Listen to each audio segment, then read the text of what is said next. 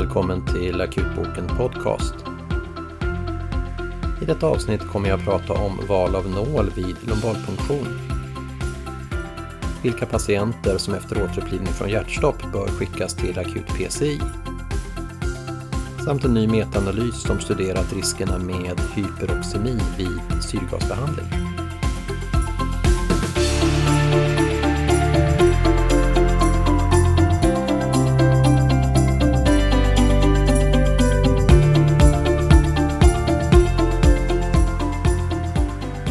Lumbalpunktion för analys av cerebrospinalvätska använder vi bland annat för patienter med misstanke om meningit, encefalit eller subarachnoidalblödning. Undersökningen ger i dessa fall viktig diagnostisk information och risken för allvarlig komplikation orsakad av lumbalpunktion är låg. Det är dock vanligt att patienter som genomgår lumbalpunktion drabbas av postpunktionshuvudvärk, det vill säga huvudvärk som uppkommer efter ingreppet. Denna huvudvärk orsakas sannolikt av att cerebrospinal vätska läcker genom hålet i duran orsakat av nålen och att detta sedan påverkar det intracerebrala trycket med huvudvärk som följd. Även om denna postpunktionshuvudvärk är ofarlig så ger den inte sällan ganska uttalade besvär med svår huvudvärk. Ibland gör huvudvärken att patienten inte ens klarar att vara uppegående och vissa patienter kan även behöva inläggning på sjukhus för behandling. Huvudvärken går oftast över inom några dygn men kan ibland sitta i mer än en vecka och under tiden vara ganska handikappande för patienten. Studier talar för att vi kan minska risken för att patienter som behöver genomgå lumbalpunktion ska drabbas av postpunktionshuvudvärk genom att välja rätt typ av lumbalpunktionsnål. Val av nål är sannolikt en av de viktigaste faktorerna för att undvika postpunktionshuvudvärk och studier talar för att risken för att en patient ska drabbas av huvudvärk efter lumbalpunktion kan variera från över 70% till mindre än 5% beroende på val av nål. Under 2018 publicerades en metaanalys i Lancet där man tittade på risken för postpunktionshuvudvärk för patienter som genomgått lumbalpunktion med en vanlig skärande lumbalpunktionsnål jämfört med en icke-traumatisk pencil point-nål. Skillnaden mellan dessa lumbalpunktionsnålar är att den vanliga skärande nålen har en vass spets som skär genom duran medan den trubbiga pencil point-nålen har en spets som inte på samma sätt skär fibrerna utan istället trubbigt trycker dem mot sidan för att skapa hålet. I den publicerade metaanalysen inkluderades totalt 110 randomiserade studier med drygt 31 000 patienter som genomgått lumbalpunktion. Metaanalysen och de underliggande studierna visar tydligt att risken för att patienter ska drabbas av postpunktionshuvudvärk är betydligt mindre om en trubbig pencil point-nål används jämfört med en konventionell skärande nål. För alla de ingående studierna var den relativa risken för postpunktionshuvudvärk sammantaget cirka 60% lägre för patienter som genomgått lumbalpunktion med en pencil point-nål och den absoluta risken för huvudvärk minskade från cirka 11% till 4% En signifikant minskning av andelen patienter som behövde återkomma till sjukhus för behandling sågs också, såväl som en minskad risk för symptom på nervrotspåverkan vid användning av en trubinol. Ingen signifikant skillnad avseende hur många stickförsök som krävdes eller andelen misslyckade försök till lumbalpunktion kunde ses. Utöver nålspetsens utformning så har sannolikt också nålens diameter betydelse för risken att patienten ska drabbas av postpunktionshuvudvärk. I studierna användes i majoriteten av lumbalpunktionerna en nål med diameter på antingen 0,4 eller 0,7 mm och det är också den diameter som rekommenderas att vi använder vid lumbalpunktion. Jag väljer själv vanligen en eh, 0,7 mm pencil point-nål om det finns tillgängligt. På en del akutmottagningar finns dock fortfarande grövre lumbalpunktionsnålar, till exempel 0,9 eller 1,3 mm diameter. Och det finns mycket sällan skäl att använda dessa för så grova nålar, speciellt om det är vanliga skärande nålar, är risken för postpunktionshuvudvärk över 20% och vissa studier talar för att risken kan vara så hög som 70% om en 1,3 mm skärande nål används. Om vi använder så grova nålar är således risken stor att vi ger patienten besvär som enkelt hade kunnat undvikas genom val av annan nål. Att använda en pencil point-nål är inte svårare än att använda en vanlig skärande nål, men kräver lite annan teknik då nålens spets är trubbig och inte fungerar att sticka genom huden med. Du behöver här istället använda den mandräng som ofta finns med pencil point-nålen för att sticka genom huden, eller sticka genom det hål som skapas när du injicerade lokalbedövning om du använt detta. Sammanfattningsvis talar studierna tydligt för att användning av pencil point-nålar reducerar risken för postpunktionshuvudvärk och jag rekommenderar att du använder en sådan nål nästa gång du ska göra en lumbalpunktion. Risken att din patient drabbas av postpunktionshuvudvärk är då mycket mindre och du minskar även risken att patienten behöver komma tillbaka till sjukhuset eller behöva annan behandling.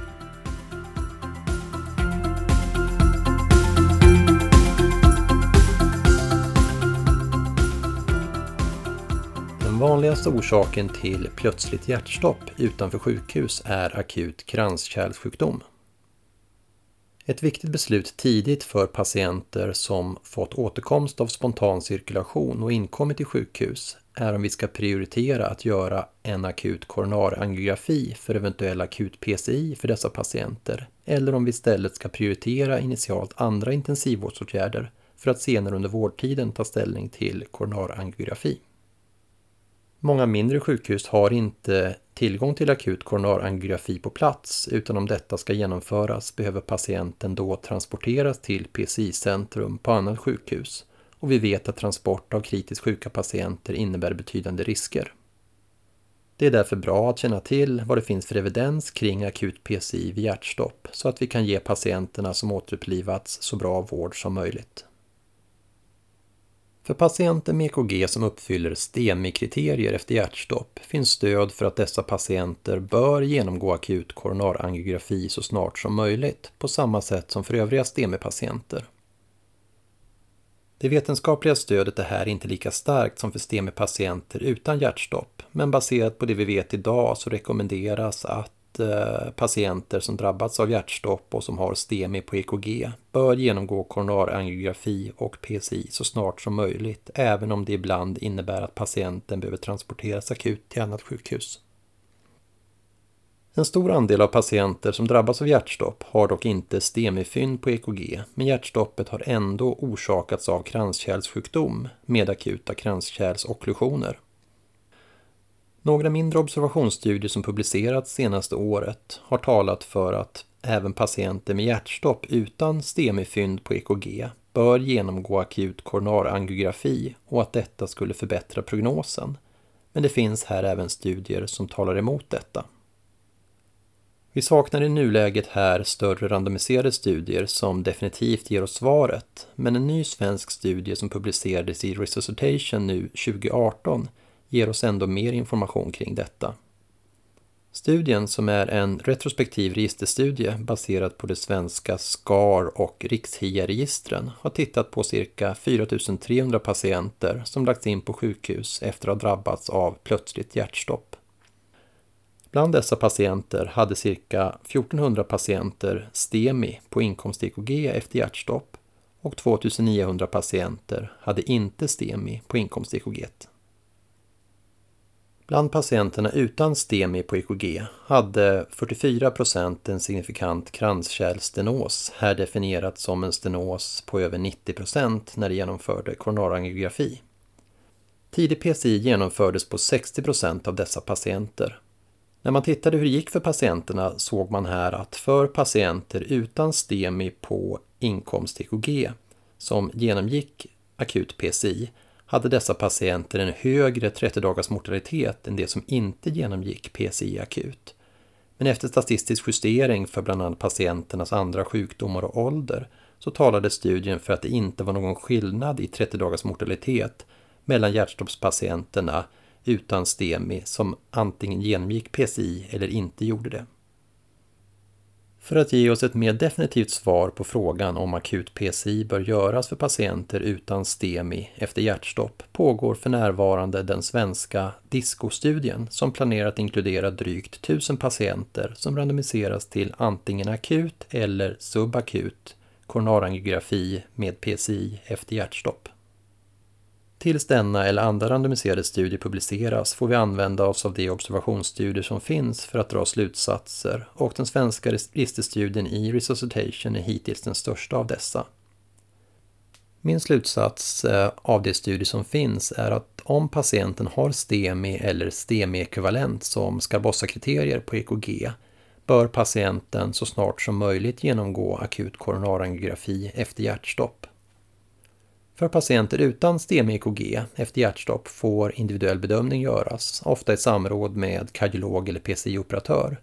Men om patienten inte har tecken till allvarlig pågående kardiell kemi behöver sannolikt inte koronarangiografi utföras akut, utan andra intensivvårdsåtgärder inklusive temperaturkontroll bör istället prioriteras initialt.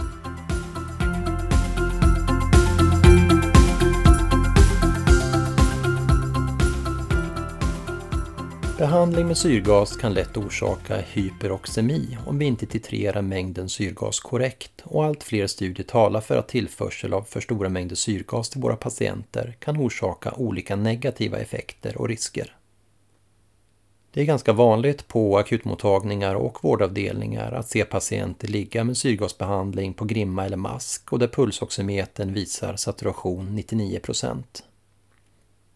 dessa patienter får sannolikt mer syrgas än de behöver och skulle vi här kontrollera en blodgas har patienterna sannolikt en hyperoxemi med PO2 långt över 13 kPa. Effekterna av hyperoxemi har studerats för många olika akuta sjukdomstillstånd och alla studierna visar nästan samstämmigt att tillförsel av för mycket syrgas antingen orsakar negativa effekter eller att det i alla fall inte tillför något positivt behandlingsmässigt. Nu under 2018 publicerades i Lancet en metaanalys av 25 studier där patienterna antingen randomiserats till liberal tillförsel av syrgas som gett hyperoxemi eller konservativ behandling där syrgastillförseln begränsats för att undvika hyperoxemi. Studierna i metaanalysen omfattar totalt 16 000 patienter och inkluderar många olika sjukdomstillstånd som sepsis, stroke, hjärtinfarkt, hjärtstopp, trauma och akuta kirurgiska tillstånd. Resultaten visar att de patienter som behandlas med syrgastillförsel som gett upphov till hyperoxemi hade en signifikant ökad risk för dödsfall både under vårdtiden på sjukhus och inom 30 dagar. Den relativa riskökningen för dödsfall för patienter med hyperoxemi var upp till 20% högre jämfört med de patienter som inte fått lika mycket syrgas. Omräknat till absolut risk så varierade detta beroende på den underliggande diagnosen, men sammantaget för alla patienterna i studierna var den absoluta riskökningen för dödsfall drygt 1% för patienterna som behandlas med syrgas som gett upphov till hyperoxemi, speciellt om patienten haft hyperoxemi under längre perioder. Riskerna för patienterna ter sig öka med mängden syrgas som tillförs och hur lång tid patienterna hade syrgasbehandling som orsakade hyperoxemi. Vi ska självfallet fortsätta behandla patienter som har hypoxi med syrgas, men vi bör samtidigt också se till att vi inte orsakar skador med syrgasbehandlingen. Att eh, vara observant på och titrera syrgasmängden så att vi undviker hyperoxemi är en ganska enkel åtgärd som sannolikt har ganska stor effekt med tanke på hur många patienter som vi behandlar med syrgas inom akutsjukvård. Baserat på tillgängliga data är min slutsats att vi bör undvika ge syrgas så att hyperoxemi uppstår och för de flesta patienter bör vi därför ha ett saturationsmål på maximalt 94 till 96 procent så att vi enkelt kan monitorera och se att dessa patienter inte får mer syrgas än de behöver.